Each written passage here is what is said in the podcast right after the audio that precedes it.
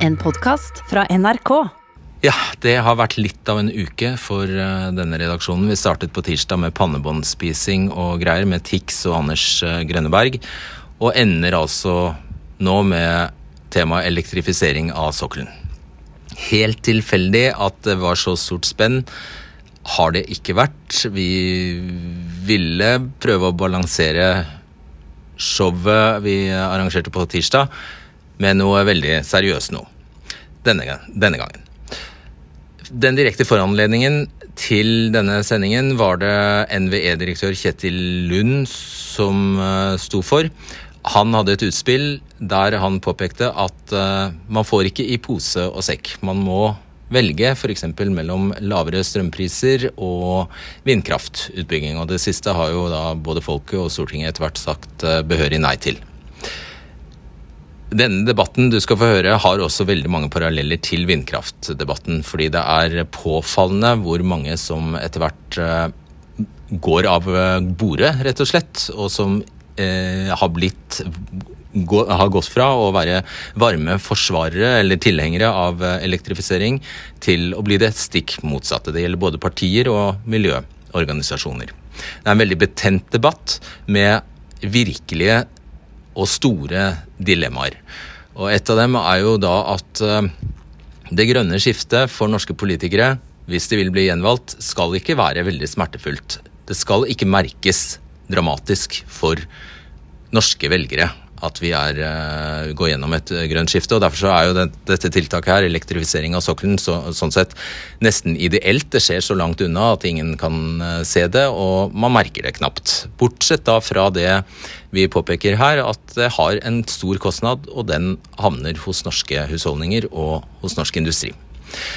Vi snakker om et tiltak som vil kunne spare oss millioner av tonn eh, CO2 nær sagt over natta. Og det er viktig fordi eh, Stortinget har bestemt at vi skal forplikte oss til opptil 55% kutt innen 2030, så det haster jo her. Så er det et stort paradoks at hovedårsaken til selve klimaproblemet er jo nettopp eh, utvinningen av fossile brensler. Og det er altså gassen vi nå skal gjøre litt grønnere.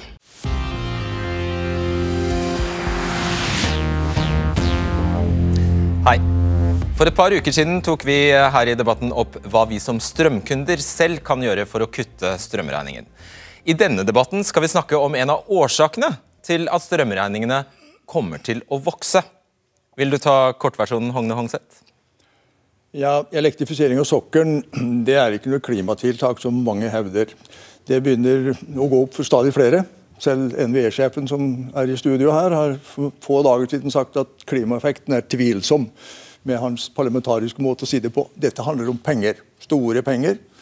Eh, når Equinor f.eks. skal elektrifisere mer, så vil de bruke 10, kanskje 12 TWh ekstra ut på sokkelen.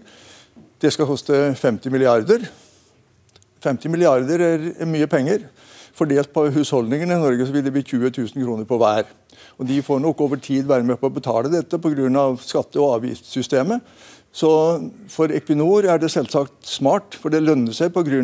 avgiftsnivået som går opp nå. Så selv for Equinor blir det spennende å høre om de hevder at dette er et klimatiltak. 50 eh, milliarder, 20 000 på hver husstand.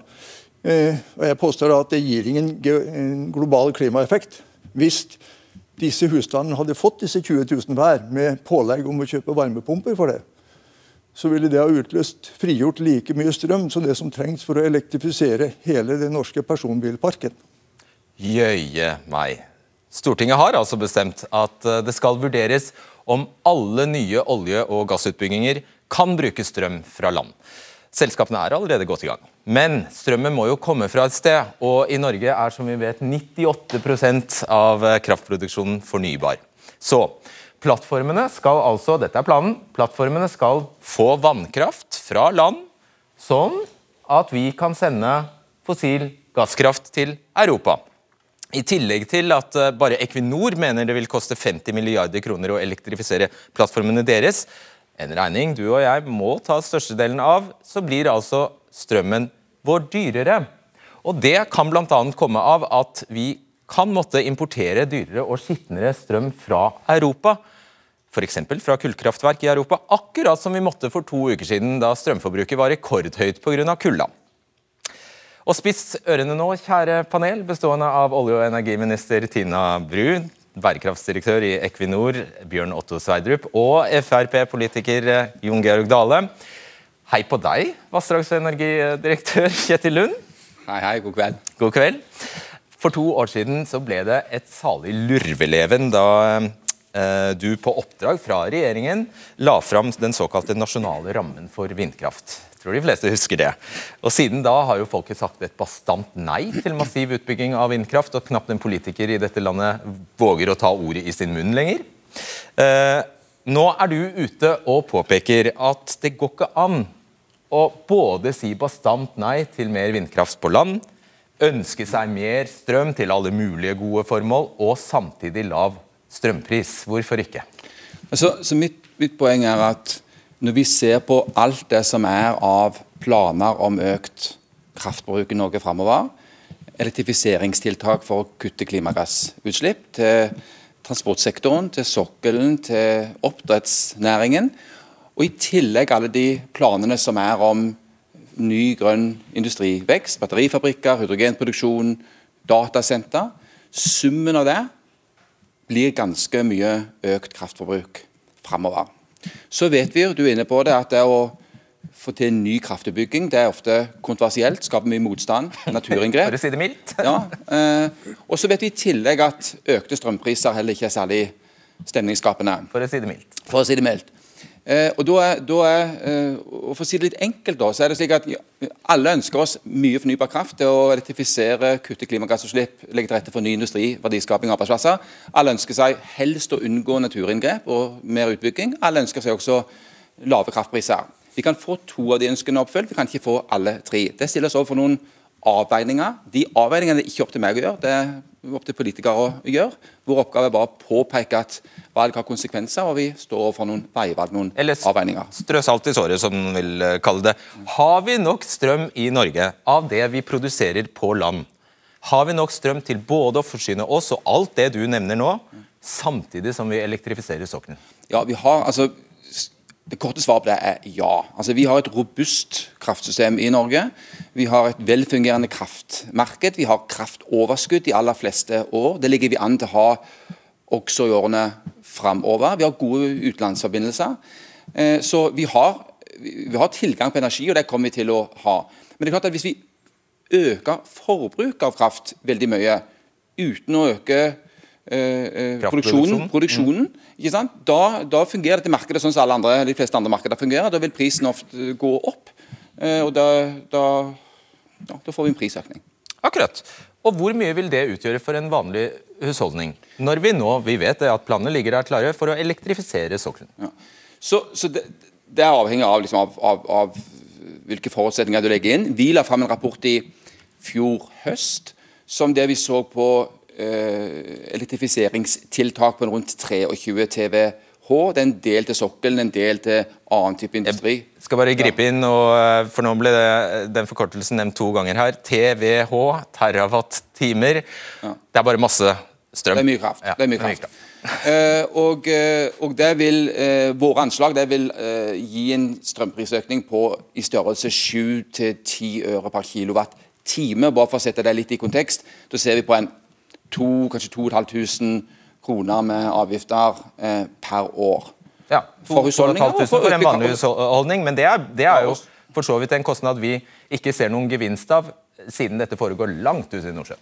Ja, nå snakker ikke jeg bare om elektrifisering av sokkelen, jeg ser på økt forbruk som sådan. Ok, Du skriver også på noen områder, som i petroleumssektoren, er den globale klimaeffekten av elektrifisering mindre opplagt. Økt bruk av elektrisk kraft på norsk sektor til erstatning for gass fører til at mer av gassen frigjøres for eksport til andre land og kan gi økte utslipp der.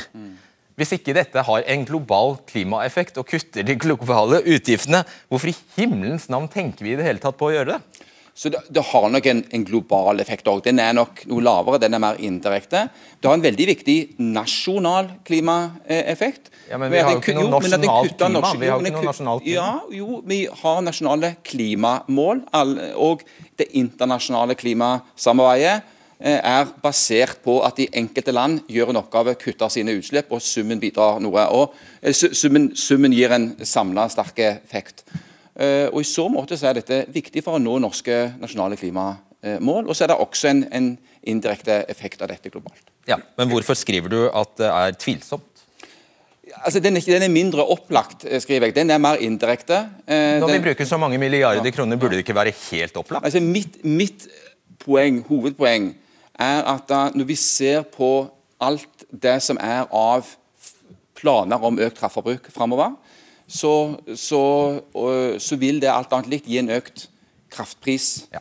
økning i kraftprisen. Det stiller oss overfor noen avveininger, og de avveiningene er ikke opp til meg. Er det for eller mot elektrifisering av sokkelen? Nei, jeg har ikke gått inn i det. Jeg mener det er veldig gode grunner for å elektrifisere, fordi det er helt sentralt for å uh, kutte norske klimagassutslipp, og for at Norge skal nå sine norske klimamål. Eh, ok, det var et ikke-svar. Takk, takk, skal du ha for det, Kjetil Lund. Velkommen igjen en annen gang. Hvis den gassen vi produserer på plattformene, som eh, altså etter hvert går på strøm, brukes til å si, drifte en polsk bildelfabrikk, som tidligere brukte kullkraft, ja da vil det kunne ha en global klimaeffekt. Fordi bildelfabrikken er del, hold deg fast, av EUs kvotemarked. Denne fabrikken har da fått tildelt et visst antall kvoter fra EU, en rett til å forurense, og hver kvote er på ett tonn CO2.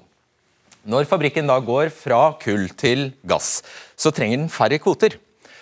Og da kan andre kjøpe disse kvotene, men hvis det er overskudd på kvoter i markedet, så inndrar EU dem, og dermed kuttes utslippene.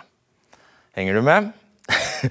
Hvis den norske gassen derimot brukes til å si, varme opp polske hus, ja, da er det faktisk ingen som vet om den norske gassen kommer i tillegg til, altså på toppen av, eller erstatter kullkraften. Fordi, og dette er fordi, husholdninger er nemlig ikke en del av det kvotemarkedet jeg snakket om. Så hvis mer norsk gass gjør strømmen i Europa billigere, det kan fort hende, så kan norsk gass altså føre til økte globale utslipp. Tina Bru, noe du var uenig i her? Nei, altså jeg syns det er en, eh, en god fremstilling av ikke minst hvor komplisert dette globale klimasystemet er. Jeg prøvde å gjøre også, det enkelt, da. Ja, jeg syns du var veldig flink, men det er fortsatt vanskelig. Eh, og Derfor er det heller ikke alltid så rett å pinpointe eksakt hvor man kutter ett utslipp, og hva slags effekt det får i andre enden hvis man gjør noe i Norge og vice versa. Men vi må jo forholde oss til det overordnede, som er at verden har sagt vi må nå noen ganske ambisiøse klimamål. Vi skal kutte utslipp globalt, vi skal kutte i Norge. Det har Stortinget vært veldig tydelig på. Og vi må jo heller ikke lure oss sjøl til å tro at klimapolitikk ikke koster. Og at det ikke alltid er opplagt. Nettopp. La oss ta det, det med kostnad kommer jeg til aldeles straks. fordi Først kan du svare på, Er du 100% sikker på at det gir global, globale klimakutt? Jeg er sikker på at det gir klimakutt. ikke minst også fordi... Globale klimakutt, Hvordan kan du vite det? Pga. det du er inne på nå helt til slutt. Altså et viktig argument, dette, dette var kanskje, jeg mener det var mer hold i den påstanden at dette var tvilsomt før. Men nå har det skjedd store endringer i det kvotesystemet som også er i EU, hvor de nå fjerner disse overskuddskvotene som du var inne på eh, i stad. Det har stor betydning, for hvis ikke så ville du bare flyttet utslippene. Men når taket faktisk senkes, så blir utslippene tatt vekk. Og så mener jeg at ethvert utslipp du kutter, er et utslipp som er mm. kuttet. Hvis man skal følge det resonnementet der helt ut, så kan man jo også si at det er helt meningsløst at jeg går til jobb og lar bilen stå. Fordi noen andre vil jo bare bruke bil og den bensinen som jeg da ikke bruker. Så Hvis man skal tenke sånn, så vil man heller liksom aldri komme i mål med å kutte utslipp globalt og faktisk nå de klimamålene vi har satt oss. Og nå til kostnad. Hva koster dette? Det vil variere. Noen av tiltakene Hva er summen av det?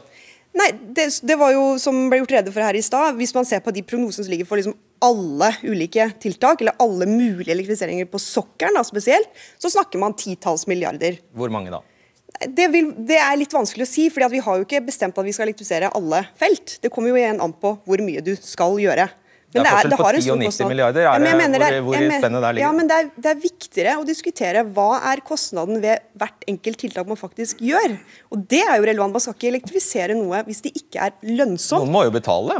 Så det er vel Ja. interessant for de som må betale? Jo, men totalsummen basert på hva vi kanskje tror kommer til å skje, mener jeg ikke er så relevant. Men diskusjonen rundt hva koster det når man f.eks. elektrifiserer et bestemt felt, det er relevant. Og det vi vet er at de prosjektene som er elektrifisert så langt i Norge, har jevnt over hatt ganske lav såkalt tiltakskost, som vi kaller det. Så du vet ikke, men tror du eh, bare eh, Nei, det Vi vet at det vil koste titalls Ja, ja. milliarder. Vi vet det. Mm. Men all Velgerne dine får ikke vite noe mer enn det. Enn at det Jo, dette, dette, prosjektet dette- koster titalls milliarder. Dette har vi store diskusjoner på hele veien. Det hadde vi også når vi diskuterte å elektrifisere Utsirahøyden f.eks. Så var nettopp kostnaden en veldig stor del av den debatten. Det er en absolutt relevant debatt. Men det er også sånn at all klimapolitikk koster. Det er ikke sikkert sånn Ja, at det å elektrifisere. Er Ja, bare det selvfølgelig. Og det må man gjøre fra sak til sak. To, to, sekunder skal du få tilbake. spørre. Ja, to sekunder skal du få spørre. Ja, først Jon, Jon Georg Dale, stortingsrepresentant for uh, Frp. Dere er ikke særlig interessert i denne elektrifiseringen. Hvorfor ikke? For det, det er gigantisk sløsing med skattepenger. Og det er andre som får regninga enn de som får nytten av dette. Eh, Det er udokumentert om det er klimaeffekt. Vi vet at det vil koste i størrelsesorden 50 milliarder. Og vi vet at vi, om det skulle være klimaeffekt, så vil kostnaden per tonn du reduserer, være formidabelt mye større enn veldig mange andre billige klimatiltak vi kan gjøre i stedet. Så den, den Som inne-? Som da? Enkelt sagt da, eh, en, å elektrifisere det dyreste feltet koster 8000 kroner per tonn du reduserer CO2-utslippene. Hvis du planter skog for å redusere et tonn, eller øke karbonbindinga, koster det 50 kroner. Så 8000 kroner på dette prosjektet, 50 kroner som alternativ kostnad. Og det, det viser det som er kjernen i dette. Vi vet ikke konsekvensene, annet enn at det er åpenbart at det er ikke Equinor og andre som skal betale regninga for dette. Det er industrien på land, det er norske arbeidsplasser og norske husholdninger som får økt strømpris som en direkte konsekvens av dette. Og bare før du, eh, før du slipper til, Det er jo ganske juks av deg å sammenligne e- elektrifisering med skog. Det tar ikke, Vi skal i mål innen 2030, Dale. Det er helt Og skogen vokser ikke på ni år. Det vet du veldig godt. Det er helt rett, men vi har regler for hvordan vi skal håndtere dette, og det er fullt mulig å gjøre det. Det er noe, det skriver jo regjeringa i sin nye klimaplan. Det er bare de foreslår ikke å gjøre det, for de vil bruke pengene på dette prosjektet i stedet for, som er dyrt, som vi ikke vet gir global klimaeffekt, men som vi vet gir økt strømpris. Og Det er jo det som er problemet til Tina Bru. Hun vil ikke svare på det faktum at det koster 50 milliarder, og at det er norske skattebetalere som får regninga for det. skal bare introdusere deg, Bjørn Otto Sverdrup. Du er altså bærekraftsdirektør i Equinor. og bare ta dette tallet først. Deres, Å elektrifisere deres plattformer har dere sagt vil koste svimlende 50 milliarder kroner. Det er sant? Ja, Vi har sagt at eh, vi har lagt fram en stor klimaplan for å kutte utslipp på eh, norsk sokkel. Så har vi sagt at summen av alle de tiltakene vi har identifisert og som vi har lyst til å gjennomføre, har en ramme på omtrent 50 milliarder kroner. Men det er ikke kostnader, det er investeringer. Ja. Fordi at det er lønnsomt, og vi har tenkt at det skal gi oss mye godt tilbake. Vel, Tusen takk for stikkordet. fordi den regningen, havner den på mitt bord eller ditt bord? Det er egentlig vi som betaler den. Og så er jo sånn at Skattesystemet i Norge er jo innrettet sånn at også fellesskapet tar det ned. På samme måte som de tar igjen inntektene fra, eh, fra petroleumsvirksomheten. Ja, bare Så det blir jo forstå- behandla Ja. som alle andre investeringer vi gjør. Nettopp. Interessant. Fordi da er reglene slik at du får 78 rabatt du, når du investerer. Ikke sant? Jeg tror ikke det er riktig å si det sånn. Ja, men hvordan si det på en, eh, men, men, annen da, måte, da? Fordi eh, jeg tror ikke fellesskapet ikke har lyst til å ha nesten 80% av verdiskaping fra olje- og det. Ja, men det, jeg kommer til det. Og da må vi Fordi- betrakte også Ja, ja. investeringene og, og inntektene Ja, på samme sik- måte. jeg vil bare hjelpe oss litt, fordi jeg er sikker på at det er mange av oss som ikke er helt innsatt i oljeskatteregimet. Regelen er sånn at hvis det, mens dere leter, mens dere investerer, så får dere altså 78% rabatt. Hvis dere finner, hvis dere begynner å tjene penger, da får staten 78% i skatt. Det er dealen, på en måte. Ja, Istedenfor inntektsskatt på 23 eller 24% som vanlige folk eh, har, eller kapitalbeskatning eller 50 Ikke skatt, så har vi 78 skatt. Og det betyr at når dere sier at dere skal betale 50 milliarder kroner i investeringer til elektrifisering av sokkelen, så er 70, minst 78% av dem havner hos oss. Er det riktig? Ja, det kan du si. Men, men, men, men, men vær klar over at vi gjør jo dette fordi at vi mener at det er fornuftige økonomiske beslutninger å gjøre for vårt selskap og for partnerne våre. Og kan det, kan det tenkes at det står i motstrid til våre interesser? Skattebetalernes interesser? Nei, i dette hensyn så vil vi si at det er både sammenfall mellom hva som er bedriftsmessig fornuftig og samfunnsmessig fornuftig. Vinn-vinn. Ja, egentlig fordi at det den diskusjonen dreier seg om, er jo hvordan skal vi greie å nå klimamålene våre og drive omstilling. Og Da er dette en type tiltak som er gode for samfunnet og som vi også mener peker fremover, som kan skape et grunnlag for ny og spennende industriutvikling. Nettopp. Og da skal du få komme med den utfordringen du vil, Hongseth. Ja, bare, bare merke meg at eh, Equinors representant eh, sier at dette gjør de fordi at det er lønnsomt. Og det er det selvsagt, men det er ikke fordi at det er et klimatiltak. Nei, men De skal jo det tjene penger. til- Selvfølgelig penger, gjør de det. fordi de skal tjene, ja, men da har vi fått klarert det at fra Equinor sier det er det det som er motivet. Og det er greit. Eh, spørsmål, Du nevnte elektrifiseringa av eh, Utsirahøyden, at det da var en viktig diskusjon. Den beslutningen ble tatt i 2014. Den beslutningen ble tatt da det var åtte partier i Stortinget. Eh, Høyre og Frp satt i regjering og var mot den elektrifiseringen og ble overkjørt av de seks opposisjonspartiene. Eh, Hva er det som gjør at Høyre har snudd ifra å være mot elektrifiseringa i 2014 og til å være for nå? Godt spørsmål. Ja, men det er her jeg mener at den debatten blir litt sånn karikert. fordi Nei, men Vær så snill å Jo, svare på det. Jeg, jeg skal jo svare. Fredrik. Du må gi meg anledning. Jeg er på vei. Sorry. Jeg prøvde, jeg prøvde også å oppklare dette i stad. Det må være noe som har skjedd her. Ja, Ja, men poenget er, poenget er Jeg, Høyre, har aldri sagt at vi skal elektrifisere for enhver pris. Jeg har aldri sett et elektrifiseringsprosjekt på sokkelen som har hatt en 8000 kroner tiltakskost som har vært lønnsom. Det er, står fra den Kraft fra land-rapporten. der står det tallet. Men de fleste av disse tiltakene som har blitt gjennomført av elektrifiseringsprosjekt, har hatt en tiltakskost under 2000 kroner. De aller fleste rundt 500-600 kroner per tonn CO2 du kutter. Og Da er man tilbake til det som var mitt poeng i stad, at all klimapolitikk koster. Om du kutter på sokkelen, om du bruker det på elbilsubsidier, om du bruker det på å støtte grønn industri på land. Uansett så har det en kostnad. Poenget er vi har satt et mål på hvor vi skal. Vi skal kutte utslipp. Du var med å pålegge oss i Stortinget at norsk sokkel skal kutte 50% enda mer enn det de hadde planlagt for innledningsvis. Det løses ikke med trær, Jon Georg Goltdale. Det, Da, la han svare på det først. La han svare hun på det. burde få svare på det jeg spurte om først. Hun Ja, har ikke svart på det. det Hva er det som har skjedd som har gjort at situasjonen er annerledes er nå enn den var i ingenting- 2014? Prisen har gått ned. Nei, det er ingenting som er annerledes. Vi har aldri sagt at vi skal elektrifisere alt for enhver pris. Vi skal gjøre det der hvor det er fornuftig, og det er utløst av de virkemidlene som vi politisk er enige om at vi skal ha. Det vil ikke alltid være det, men i noen tilfeller så er det fornuftig å gjøre det Det er det. dette som er morsomt, fordi at mine tall er ikke noe vi har kommet på sjøl. Det er du som har gitt meg dem. Når jeg sendte spørsmål til departementet Når jeg sendte spørsmål til departementet ditt i desember, så sier dere det koster mellom 1500 og 8000 Ja. kroner å elektrifisere de feltene som er igjen. Det er f.eks. da tre, fire, fem, seks, sju, åtte ganger så mye som EU tror at kvotemarkedet, som olje- og gassektoren er en del av, skal betale for en utslippskvote i 2030.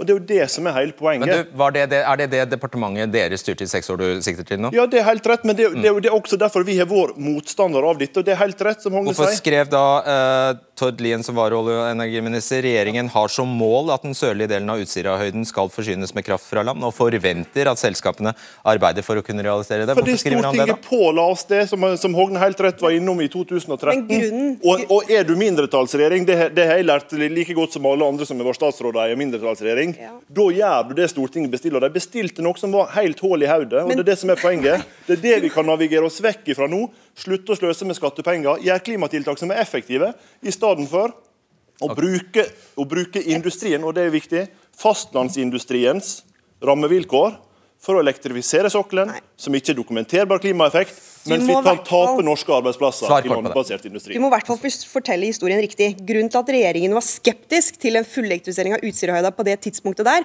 var at vi var bekymra for at det skulle forsinke utbyggingen av Johan Sverdrup-prosjektet. Det handlet ikke om at man ikke ønsket kraft fra land til hele området. Og jeg tror vi kan være enige om at det har vært rimelig lønnsomt i all den tid det har blitt nedbetalt på 16 måneder. Sverdrup, her skal du få en utfordring fra eh, Ståle Gjersvold, administrerende direktør i Trønderenergi. God kveld til deg. Du mener nemlig, og dere er et kraftselskap, du mener at eh, å elektrifisere sokkelen med strøm fra land er en dårlig idé. Hvorfor det? Eh, kraft fra land, eller for å si det sånn, det er 40 år siden vi bygde ut eh, vannkraft i Norge. De siste tre-fire åra har vi bygd ut eh, ganske mye vindkraft. Men nå er det jo sannsynligvis stopp på videre utbygging, både av vann- og vindkraft. Vil si at I et 20-årsperspektiv så skal det elektrifiseres veldig mye på land. Det skal skapes ny fornybar industri på land.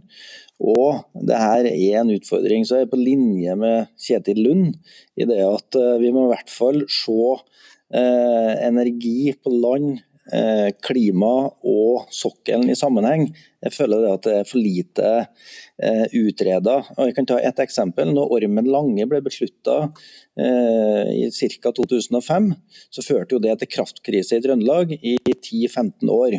Med høye priser og med faktisk redusert forsyningssikkerhet. Vi hadde gasskraftverk stående i reserve på Kjedbergodden.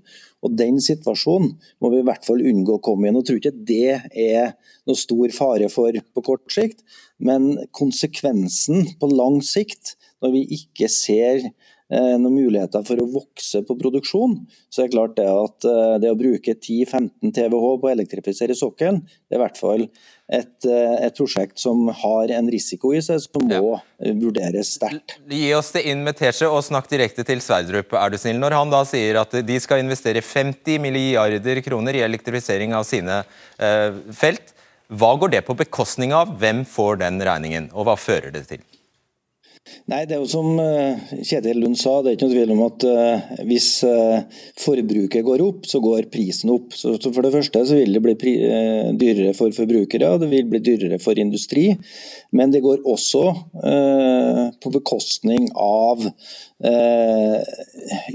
ytterligere utbygging av, av natur i, i Norge. og det det her, eh, altså 10-15 TV høres kanskje lite ut, men når man tar med alle de andre tiltakene som også trenger elektrisitet fremover de nærmeste 20 åra, så kan dette her være det som gjør at i hvert fall du kan ikke på den ene sida si stopp på utbygging og på den andre av kraft, og på den andre sida eh, tenke at du skal bruke strøm til alt. Så jeg ser ikke helheten godt nok i dag til å være trygg på at dette er et godt eh, tiltak. Hva svarer du til det, Sveider?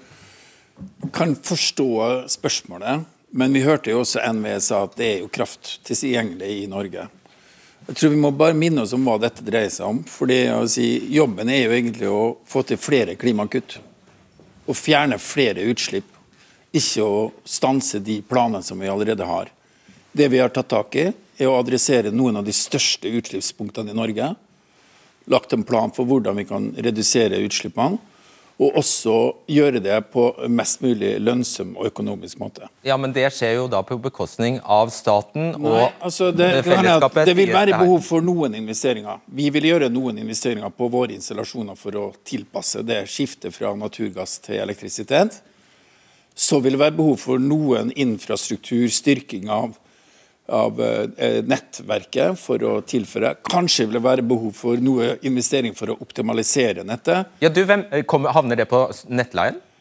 Det kan det være, men han sa jo det, at det er jo egentlig ører egentlig påslag i strømprisen. Jo, jo, men det øret blir til kroner. Blir til... Nei, men jeg tror at vi må holde litt fast ved det her, fordi eh, det er kapasitet. Vi kan utnytte den og ta i bruk den kraften, og bruke det òg til å redusere utslipp. Og det som er viktig er at Hvis Norge skal lykkes med å redusere utslipp i de neste ti år, som er veldig viktig, så er veldig få andre tiltak som er tilgjengelige der du får så mye CO2-utslipp for pengene ja. som det du gjør med disse tiltakene. Det er faktisk sant, fordi dere står, olje og gass står for en fjerdedel av Norges utslipp. Så hvis dere greier for å ha, Dere sier inntil 40% innen 2025, sier dere at dere kan kutte ja, hvis man elektrifiserer. 10% av Norges samla utslipp ja. kan vi kutte hvert år fremover. Ja. Så, og det er, Vi klarer ikke å gjøre sånne jafs på annen måte enn dette her. Så hva, hva, er ditt alternativ, egentlig? Nei, Pontius Pilatus vil jo glede seg, for poenget er jo å flytte da utslippene til utlandet, så kan vi ha vårt regnskap som blir veldig bra. Men poenget mitt var at Kjetil Lund sa at denne elektrifiseringen vil gi en prisøkning på et, i størrelsen 7-10 øre. 10 øre 10 øre prisstigning for prosessindustrien i Norge tar hele bunnlinjen for hele den industrien. Og den industrien er grunnlaget for en lang lang, lang rekke kystsamfunn. Hvis den industrien flagger ut gradvis over år, så flytter den til land som bruker fossil energi. Det er i alle fall ikke noe særlig godt klimatiltak. Og Den prisstigningen som vi snakker om 7-10 øre, kommer til å gi en voldsomt press om mer vindkraft på land. Det er en katastrofal utvikling. Det har jo Stortinget sagt nei til. Ja, jeg er for så vidt egentlig det har jo du ganske, kjempet fram. Det har jo du, det har jo du blant annet kjempet fram. Og jeg er egentlig ganske rolig på den diskusjonen. Den elektrifiseringen ja. den, den, den, tror jeg ikke blir noe av, for det er så mange som skjønner det. Av de åtte partiene så er det bare Frp som står på sitt standpunkt fra 2014. De var mot. Høyre har snudd og er for, mens alle de andre seks nå er i full fart med å snu og er imot elektrifisering. Men, men ditt, ja. ditt, Ok, ja. Dette Fredrik, er, er kjerna fordi at hvis du hadde stilt spørsmålet til Equinor Hvis de ikke fikk bruke petroleumsskatteregimet, 78% fradrag til å gjøre disse investeringene, men måtte betale samme skatten som fastlandsindustrien, som får den økte strømkosten, ville ha gjort, Og aldri fått lønnsomhet i det. Det er jo realiteten. Og Grunnen til det er at kostnadene som det andre næringslivet vårt, vanlige folk, skal betale gjennom økt strømpris, vil enten medføre tusenvis av nye vindmøller på land for å dekke kraftbehovet, eller direkte slå ut på strømprisen. Og Da er hele poenget Norge har ingen egen atmosfære. Hvis vi skal gjennomføre vår klimapolitikk, våre klimaforpliktelser, så må vi faktisk ikke bruke penger på tiltak som er dobbelt så dyre, tre ganger så dyre og fire ganger så dyre som de mest fornuftige og rimelige tiltakene er. Og elektrifisering av sokkelen er akkurat det. Og det er derfor vi burde ha sagt nei. For det er rett og slett ikke er mulig å regne det hjem igjen. 8000 kroner på den ene sida, 50 okay. kroner på den andre. Kanskje jeg må ta to ting. Det ene er det er helt tuppete å si at det har ingen klimaeffekt. For det første så kutter vi utslipp. Vi stanser utslipp av fossil energi. Store, vesentlige utslipp I Norge. i Norge. Så er det sånn at ja, det vil gå mer gass til Europa, men den vil brukes mye mer effektivt enn det vi greier å gjøre ute til havet. Og det forsvarer 50 milliarder. Og så I tillegg til toppen av det har du et kvotesystem som garanterer på en måte at over tid vil de utslippe. Så jeg synes det, bare, det, det er litt uredelig å si at dette vil ikke vil klimagassutslipp. Syns du det er greit, Ja, at dette er på du det er med greit det at disse, pris, disse tiltakene dine skal øke pris, strømprisen på land, slik at det går utover industrien på land? Syns du det er redelig? Ja, Nå snakker, bytter du fra å snakke om klimaeffekten, vi kan være enige om at den er ryddig, og så er spørsmålet hvilke markedsmessige implikasjoner vil det ha i det norske Men det er jo ingen som kan dokumentere da den sa NVE tidligere i dag at det vil ha veldig begrensa. Noen kostnader vil det være, men det vil sannsynligvis være kostnader vi må nødt til å ta som fellesskap for å være i stand til å møte Men, men det er jo ingen som kan dokumentere klimaeffekten. Det er jo det som er hele paradokset. Hadde vi nå enda hatt det som utgangspunkt, da, at, Vi re, at regjeringa kunne si at det, det er denne effekten, det er ingen som kan si det. Og likevel skal vi bruke så mye penger på det. Det er jo det som er problemet. Ja, jeg synes Det er veldig synd å se at Frp har stilt seg så på utsiden igjen av på en måte, En ting er å være skeptisk til elektrifisering. Jeg deler òg den tanken om at vi skal ikke gjøre dette for enhver pris. Det skal være fornuftig når vi gjør det. Men at vi overordna er enige om at vi skal nå noen mål, at vi skal kutte utslipp i Norge, det skulle jeg ønske vi kunne være enige om. Men du presenterer ingen løsninger som er realistiske for å få det til. Men så til det som er tema nå, egentlig. Som er kraft og industri på land. Fordi Dette mener jeg er en veldig viktig debatt, og det er også nødvendig at vi er flinkere til å diskutere konsekvensene også av de politiske valgene man tar. Det er man ikke alltid. F.eks. når Jon Georg Dale stemte for at eh, norsk sokkel skal kutte 50% innen 2030, så så jeg ikke veldig mye omsorg eller bekymring for hvordan dette skulle gå utover strømpris eller industri på fastlandet. Så man må jo bære konsekvensen av det. Men jeg frykter ikke at vi ikke skal ha kraft. Vi må huske at i dag så har Norge et stort kraftoverskudd på ca. 14 TWh i året. Vi er også i ferd med å få mye ny produksjon på nett. Skal jeg fortelle deg en annen? Apropos det. Det ble satt ny rekord. Femdobling i krafteksporten i januar. Ja. Vet, du, vet du hva det betyr? Det betyr at vi sendte nettopp det overskuddet du Nettopp. viser til nå, det sendte vi ut av landet og tjente 1,1 milliarder kroner på det. nettopp, men det er også fordi at alternativet hadde vært å bare la det renne ut i ingenting. Men har vi Eller gi oss lavere strømpriser, kunne jo ja, alternativet Vi hadde rekordlave strømpriser i Nei, det var da det var steinkaldt i januar. men hele, poenget er, i et helt år så har vi hatt store kraftoverskudd i Norge. Det kommer vi til å ha i mange år fremover. Og vi nå er i ferd med å få ny, mye ny produksjon på nett, både gjennom mer vannkraftutbygging, mer vindkraftutbygging, 17 TWh. Så vi kommer til å ha masse kraft tilgjengelig, men diskusjonen rundt å få den krafta fram dit den skal, for å etablere ny industri f.eks., det er en veldig viktig debatt. Men okay. alt henger jo sammen. Det er ikke enten-eller. Du skal straks forlate oss, men jeg gir meg ikke helt. Hva er ditt alternativ? Hva er ditt alternativ? Å la være å, å elektrifisere sokkelen. Og da kommer vi ikke, Hvordan skal vi da komme i mål med inntil 50 eller 55% klimagasskutt innen 2030? Hvordan skal vi greie det? Det er ikke sikkert vi, vi klarer det, men det er jo høl i huet etter mitt skjønn å klare det på en måte som bare skyfler eh, utslippene over til utlandet. Vi må jo ha noen realistiske vurderinger av hva dette gir effekt. St. Peter har ikke noe eget telleverk for Norge. Dessverre, kanskje for noen som vil at dette. Og siste spørsmål. Kan du svare konkret på? Det- Når dere vil elektrifisere, er det pga. klimaet eller pga. økonomi? Begge deler. Ok, enkelt spør eh, eh, Flott. Eksemplarisk eh, spørsmålssvar der. Du får avslutte. Fem sekunder. Ja, Det er fullt mulig å nå forpliktelsen vår. Det er enkelt. Vi kan bokføre verdiene fra skogen 10 millioner tonn. Vi kan påskoge gir 1,7 millioner tonn. Vi kan kutte 5 millioner i jordbrukssektoren. Vi kan fortsette å kutte i transport 2-3 millioner tonn. Og vi kan få verdien av grønn skipsfart og andre tiltak okay. vi gjør på fossil energi. Ca. 20 millioner tonn. Det er ingen problem. Du trenger ikke om å bruke 8000 kroner på svindyre elektrifiseringstiltak, som norske strømkunder og norsk fastlandsindustri Og det skal vi heller ikke gjøre. Jon Georg Dale og Hogne Hongse, takk skal dere ha. Dere skal nå eh, byttes ut til fordel for eh, Marie Sneve Martiniussen i Rødt og Therese Hugsmyr Woie i Natur og Ungdom. Velkommen til dere. Tusen takk. Eh, jeg tror vi hopper videre, fordi det, det var, eh, det var, eh, var så, vi, var, vi var så godt i gang med klimabiten her i sted, så vi skal bare raskt innom deg, Asbjørn Torvanger, før dere slipper til. Du er forsker ved CICERO, Senter for klimaforskning, og i 2014 regnet du på CO2-effekten av å elektrifisere sokkelen. Hva ble resultatet der? Nei, Resultatet var jo at den er liten og usikker. På mange måter, sånn som det har blitt forklart av deg og andre i programmet her. Eh, Så vi mener at eh, dette eh, var en lite egnet klimapolitikk. Og det som derimot så ville være effektivt, og dette er på en måte, synes jeg også å gå om en annen vei enn det som er mest effektivt, det er jo å øke avgiften på å bruke olje og gass og andre fossile energivarer. Og stramme til kvotesystemet. Så- det vi snakker om her, er på en måte å gå indirekte inn i dette systemet. Og til dels eh, på en måte som ikke fungerer godt i forhold til eh, klimapolitikken som EU i, lag med Norge har lagt opp til gjennom kvotesystemet, som vi har fått illustrert. Så her går en på en måte en sånn litt, litt mot den typen, eh, den, den politikken som er lagt til grunn, fordi en er så opptatt av å nå det norske målet. Men dette fungerer ikke godt. Så høyere avgifter til strammere kvotesystem er den effektive og direkte måten å gjøre det på, som blir den billigste måten, og som da utløser kutt og innovasjon i, i næringslivet. Og Du sier at uh, dette er utslag av at uh, Norge lider av flink pike-syndromet? Ja, altså, i den forstand at vi prøver å, å, vi prøver å være en klimaleder, eh, og det er greit nok.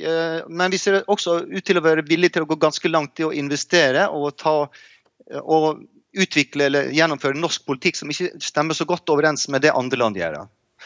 Og kanskje En grunn til at det er sånn, er at vi har litt dårlig samvitt for vår olje- og gassproduksjon, som vi vet fører til store utslipp. Sant? Og jeg vil også da minne om at eh, Det vi snakker om her på, i, på, mm, ved utvinning av olje og gass, det er jo kanskje 5% av den CO2-en som vi lager når du brenner oljen og gassen. Ja, det er det? Det, er, det er jo veldig viktig at vi får med oss. Det vi snakker om, er bare den lille, de, de små utslippene som altså skjer idet man brenner, som du sier, eh, oljen og gassen på sokkelen. Resten av utslippene oppstår selvfølgelig når man bruker den. Olje Ja, og det, er det, og det er jo også mitt poeng at Hvis du da legger en, avgift, en høyere avgift på å bruke eh, olje og gass, eh, så vil jo det ha en effekt i hele økonomien. og Den signalet vil gå ut til alle som både produserer, utvinner olje, og de som bruker olje. Nettopp. Tusen takk skal du ha, Torvanger. Vi er i den interessante situasjonen at eh, mange partier, mange miljøorganisasjoner, i denne viktige saken har snudd.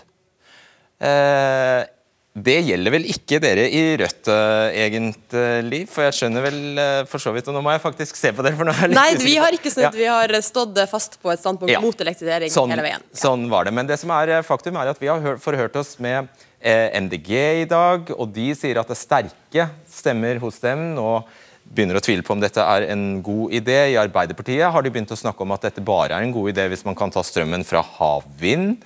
Eh, og sånn kunne jeg fortsatt. Senterpartiet er ganske så kritiske. Hvorfor mener dere, har dere lenge ment at dette var en dårlig idé? Det er jo fordi krafta er en av de mest verdifulle ressursene vi har i Norge. og Da må vi være veldig nøye på hva vi bruker krafta til. Og I Rødt vi er veldig opptatt av at nettopp den kraftforedlende industrien som flere har nevnt tidligere i dag, er så viktig for Norge. fordi det er den vi levde av før vi fant olje, og det er den vi er nødt til å også kunne leve av etter at olja har tatt slutt. Så det å sende krafta ut på sokkelen når vi ikke vet hva klimaeffekten er, og samtidig risikere at kraftforedlende industri her hjemme ikke har nok kraft, det mener vi er et dårlig tiltak som i tillegg ikke kan beviselig løse klimaproblemene. Vil du svare på det? Ja, Det skal vi aldri risikere. Vi skal aldri risikere at industrien på fastlandet i Norge ikke har eh, gode vilkår.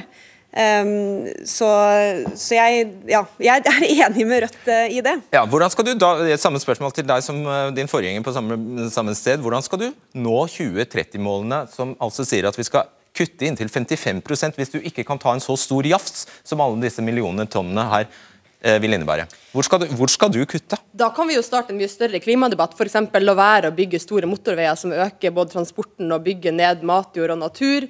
Vi kan, vi kan ta igjen mye energieffektivisering. og I en rapport som Tina Bru sitt ekspertutvalg har levert på Prosess21, så kommer jo nettopp det her med dette kraftgapet, altså det vi kommer til å mangle av kraft.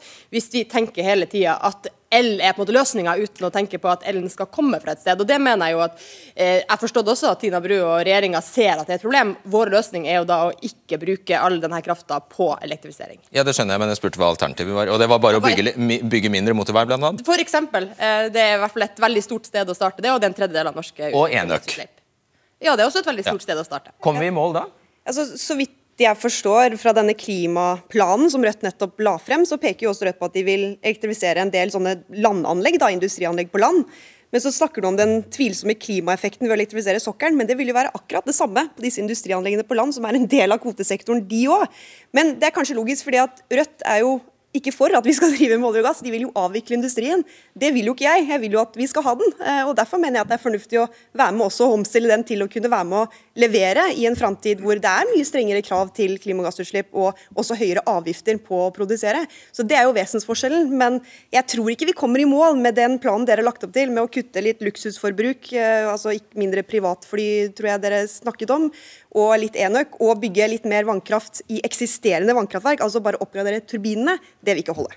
Nei, Et av de ø, tiltakene som virkelig vil monne, er jo å slutte å lete etter olje og gass. For her er jo vi veldig enige i de poengene som Cicero-forskeren nettopp kom fram med. At å elektrifisere sokkelen er jo litt som å si at på dieselbilen så går frontlyktene på el, men fortsatt så går dieselbilen på diesel. Det er jo produksjon av olje og gass og den forbrukes i utlandet som er de store utslippene. Og der har dere sagt helt konkret at dere vil, er dere vil kutte olje- og gassproduksjonen med, 50, med 55% innen 2030. Det er det som skjer hvis vi ikke finner mer olje og gass, fordi norsk olje- og gassproduksjon er på vei nedover. Hvis vi slutter å lete i dag og heller bruker de ressursene på å bygge opp ny industri, nye arbeidsplasser, ha en plan for det nå, så har vi en reduksjon som er i den størrelsesordenen. Ja. Hva ville det ført til? Altså Det vi snakker om nå, når vi snakker om den planen vår, er jo hvordan kan vi fjerne utslipp fra de store installasjonene vi har i dag, som vi vet skal være med oss i kanskje 20 år fremover og som kommer til å drive veldig lønnsom virksomhet. og solid virksomhet. Ja, Men hun ville jo avvikle dere før den tid? Ja, men jeg tror egentlig, jeg hørte ikke det, for hun sa at hun var opptatt av å begrense letevirksomheten. Det er litt, en litt annen diskusjon. Det er en litt annen diskusjon. Så Jeg har bare lyst til å bringe inn en ting, for det er så mye eh, dysterhet her. Fordi egentlig så kan vi kutte utslipp nå. Vi kan få til ting egentlig relativt eh, rimelig sammenlignet med andre tiltak som er identifisert i Klimakur. Og så kan vi peke frem mot uh, ny industri. Og Det er klart, det er veldig mye snakk om havvind i Norge. Ja. Og Vi bruk, bygger ut havvind i Norge nå uh, til å hjelpe til å elektrifisere sokkelen.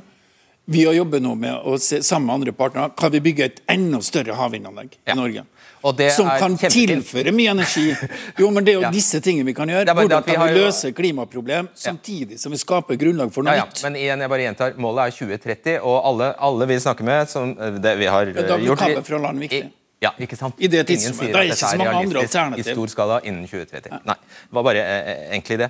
Er det, er det et alternativ? Det, men det vindprosjektet vi snakker om nå, ja. ved Utsira, det vil være relevant før 2030. Men ikke på hele sokkelen? Nei, men det vil gi et vesentlig bidrag ja. til mange viktige installasjoner på norsk sokkel. Ok, Da er det sånn, eh, Therese Høgsmyr Woie, leder i Natur og Ungdom, at også dere, dere har, er blant de miljøorganisasjonene som har snudd i dette spørsmålet. Hvorfor det?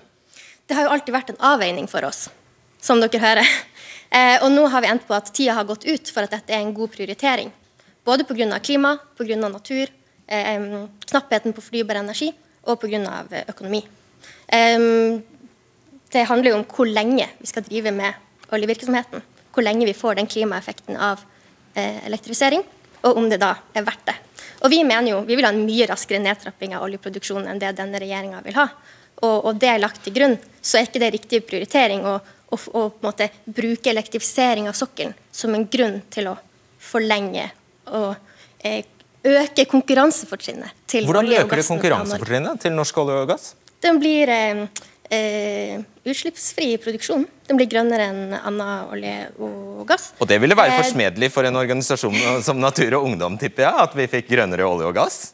Nei, fordi vi mener jo at eh, vi er jo mer opptatt av de 95% av olje og gass, utslippene fra olje og gassen som eksporteres til verden, enn vi er av de 5% som slippes ut på, på norsk sokkel. Og det mener jo vi at hvis de slipper eh, eh, Altså hvis vi bruker fornybar kraft fra Norge på å elektrifisere den produksjonen, så bruker vi fornybar kraft på, på å forlenge bruken av fossil energi istedenfor å erstatte den. Og vi må erstatte den. Ja, ikke sant? Men Kan du da prøve å forklare hvorfor en organisasjon som Bellona, som fremdeles står på at dette er et glimrende tiltak, hvorfor de tar feil? Da har de landa en annen plass i den avveininga. De har det. Ja, hvorfor, hvorfor er det feil? Ja, jeg mener det er feil. Altså, nå har jeg vært inne på klimabiten. At vi er mer opptatt av at vi skal ha en gradvis styrt og rettferdig nedtrapping. Da er det ikke riktig prioritering. Men så handler det også om ressurser, og at fornybar energi er en knapp ressurs. Og jeg mener jo at det er så mye som konkurrerer om det nå. Vi har um, på en måte forsinka klimaomstillinga så lenge at nå er det så mye som krever fornybar energi samtidig. Og da er det ikke på å forlenge oljealderen vi skal bruke det på. Egentlig samme spørsmål til dere. Hvorfor skiftet dere mening? Vi skifter mening fordi at vi ser at det er fornuftig. Først og fremst fordi at vi har jobba så mye i det at vi forstår problemstillinga bedre. Både klima, men også kostnad, og hva som er teknisk mulig. Og så har vi greid å få kostnadene ned, og vi ser at det er en bedre løsning. Jeg syns egentlig det er veldig uvant å stå her og så få kritikk fra Rødt og Natur og Ungdom fordi at vi har for aggressive klimakuttplaner. Eller at vi er for ivrige på å bruke fornybar energi. Hvis Man venner meg nesten litt til der utfordringa. Ønskeposisjon, si? Nei, ja, men vi skulle gjerne egentlig sagt at vi er enige om det her. Om at det er veldig viktig å redusere utslipp. Og enige om å ta de store først, så tidlig som mulig. Se, ser du hvordan du får han til å skinne? Klarer du å se det? Ja, jeg ser jo at han får veldig lyst på denne fornybare energien, men kanskje det er akkurat det det handler om. Fornybar energi har jo blitt veldig hot nå. Hele verden skal jo ha fornybar energi. Og da er det jo nettopp viktig at vi snakker om hva vi skal bruke den til, men ikke minst at vi slutter å tenke på fornybar energi som på en måte en evigvarende kostnadsfri maskin. Vi ser jo nå bl.a. med utbygging av vindkraft hvordan også fornybar energi har store kostnader. Både penger med å bygge det ut, men kanskje ikke minst naturinngrep, som lokalbefolkninga på Haramsøya, på Øyfjellet, på Fosen nå har sett veldig tydelig og sagt veldig tydelig nei til. Og Det har vært en litt sånn holdning i Norge at fordi det er fornybar energi, og vi har glemt litt Alta og alt det som skjedde da, så er det litt sånn gratis energi. Og Det er det ikke for naturmangfold, og det er det ikke for lokalbefolkninga der denne energien blir bygd ut. Uh, ja, vil du svare? Ja, nei, Jeg er enig i at dette er en debatt som nå kommer i stadig større grad, men det er veldig rart å både oppleve hvordan dette har snudd. For at jeg tror at mye av æren for at det skulle vært flere partier her i dag, egentlig. fordi Ja, for at ja, Nesten alle partiene mener at vi skal gjøre dette. Og jeg tror det skyldes mye også det miljøbevegelsen har stått for i mange år. Da, og sagt at dette er et viktig tiltak. Men jeg forstår for så vidt at man er imot det når man egentlig ønsker å avvikle industrien. Men- Men, jeg mener jo at det er en veldig dårlig idé. Så da mener jeg at det er bedre å kutte utslippene, og at det gir oss noen andre muligheter. Gir ikke assosiasjoner til en viss debatt om vindkraft, dette her? Jo, det gjør det absolutt. Og da sto jo jeg her uten andre partier som kunne være med å forsvare hvorfor vi har endt der vi har endt. Men, men jeg tror vi kommer til å se mer og mer av dette. og det, det er liksom som det jeg sa i stad, at det, man må kanskje være flinkere også som politikere. Så du forventer protester, Når dette bare går opp for publikum, hva dere holder på med der ute på sokkelen, så forventer du protester? Det var, var det det du sa nå? Nei, det er ikke det. Men at det, jeg tror at det er større forventninger til at man ser sammenhenger. Jeg tror kanskje at den offentlige debatten i litt for stor grad ofte er preget av liksom dagens overskrift, og da er det ikke plass til liksom de litt større resonnementene. Men det trenger vi jo ha, særlig på energipolitikk og dette feltet, fordi det er komplisert, det er konfliktfylt, og det er mange avveininger som må gjøres hele tiden for å treffe riktig. Ja, De største resonnementene av dem alle er jo hvordan vi skal eh, få hele verden i nullutslipp innen 2050. Og Da mener jeg Norge bidrar best med det ved å eh, bruke vår fornybare kraft, vår kompetanse, vår investeringskraft til andre klimatiltak enn de klimatiltakene på sokkelen som er for å slippe å ta verstingen, som er norsk eksport av olje og gass. Men hvis jeg, hvis, Ja, Hvis, hvis du er galant, så lar du Tina Bru svare først, også deg. Jeg har bare lyst til å ta et eksempel da, som jeg mener er relevant i den sammenhengen. at uh, En ting det snakkes veldig mye om nå, i hele Europa, i hele verden for så vidt, er hydrogen. At vi kommer til å trenge masse hydrogen. Vi kan lage det både av fornybar kraft, men vi kan også lage det av naturgass. Men hvis vi skal kunne levere det da, til Europa, så mener jeg det er et viktig poeng at den gassen vi da bruker for å lage den hydrogenen, er produsert med ingen utslipp, for at vi skal kunne også si at den er lavutslipp som kan brukes i Europa. Det kommer de til å trenge. Det er én positiv effekt som kan sikre verdiskaping i et langt perspektiv. Arbeidsplasser, lønnsomt for landet, holde folk i jobb, som er bra. Samtidig som du, oppla, altså du får til noe bra for klimaet, ikke bare i Norge, men også globalt. Eh, Sverdrup, du, du, skal, du, etter å, eh, du, du får skinne såpass at du må være, være, være snill og svare. Bare gjenta det svaret du ga meg i, i, i sted. Regningen for dette vil havne hos staten og hos norske forbrukere. Du svarte bekreftende på det i sted. Inntektene fra virksomheten vår kommer til fellesskapet, og investeringskostnadene fordeles også på samme måte. Ja, Så du sier at vi kan, dere, vi, ja, dere får en høyere strømregning, men dere får jo barnehager og skoler i tillegg fra oss. Det var ca. det du sa nå. Ja. Mm, bare, ja, ok, så vet vi det. Vil du, vær så god. Vil du avslutte? Vi nærmer oss slutten her. Eh, Nei, altså det her handler jo på en måte først og fremst om man skal ha en plan for den enorme omstillinga som Norge må gjennom. Ikke bare for klima, men økonomien Norge. Og Der har jo perspektivmeldinga til regjeringa også sagt at norsk olje og gass skal reduseres. Eh, De sier det blir med 65% innen 2060. Men det man da mangler, er jo den planen for hvordan industrien skal bygges opp, og ikke bare vente på at det skal skje av seg sjøl. Der spiller krafta en stor rolle for det er en stor viktig ressurs. Der spiller også kompetansen til arbeidsfolk en stor rolle, og der spiller vår kapital en stor rolle. Så Derfor er jo det her noe som handler om også elektrifiseringa. Fordi den kompetansen, den krafta, den kapitalen bør brukes i en retning som er, gir arbeidsplasser vi kan leve av også om 100 år og 200 år. Ok, Vi lar det bli siste ord. Tusen takk eh, skal dere ha. Og tenk, tenk at du kan ha debatten på øret samtidig som du glir over fjellet i vinterferien på ski. Det kan du nemlig, for vi har også en podkast. Vi ses neste uke. Ja, jeg håper debatten smakte. Eh, Da studiolysene ble slått av, så var det noen som uttrykte reell frustrasjon over at det politiske flertallet ikke var til stede her i større grad. Det kan jeg veldig godt eh, forstå, men det er altså, som jeg sa, slik at vi sonderte med partiene. Og det er bevegelse i veldig mange av dem. F.eks. ville vi ha fått til svar, hvis vi hadde invitert Arbeiderpartiet hit, at eh, de nå er for eh, elektrifisering av sokkelen hvis det skjer med kraft, eh, vindkraft til havs. Og det er altså, som vi hørte her, et prosjekt som er langt fra mulig å realisere fullstendig på hele sokkelen innen 2030. Og da ville vi ha havnet i en eh, havvinddebatt veldig snart. Jeg håper du liker debatten på podkast også. Og så håper jeg vi høres til uka. Ha det bra. Du har hørt en podkast fra NRK. Hør flere podkaster og din NRK-kanal i appen NRK Radio.